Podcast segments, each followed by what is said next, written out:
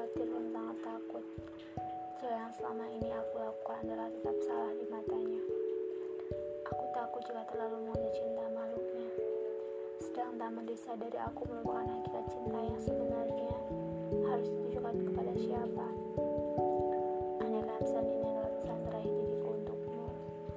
Jika menurutnya itu harus, maka aku akan belajar untuk mengikhlaskan ini. Sebab aku yakin Allah pasti punya banyak cara jika sudah waktunya. Seperti halnya ketika Allah memperlihatkan kamu sebagai kejutan pertama kali untukku. Tapi tetap, aku pun tidak ingin memaksakan kehendak ini lagi. Sebab semua hati adalah miliknya, dan kini aku akan belajar untuk memasrahkan seluruhnya kepadanya. Tidak, bukan berarti aku menyerah.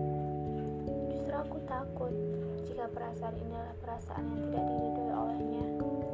Aku takut jika ini hanya hawa nafsuku sesaat saja.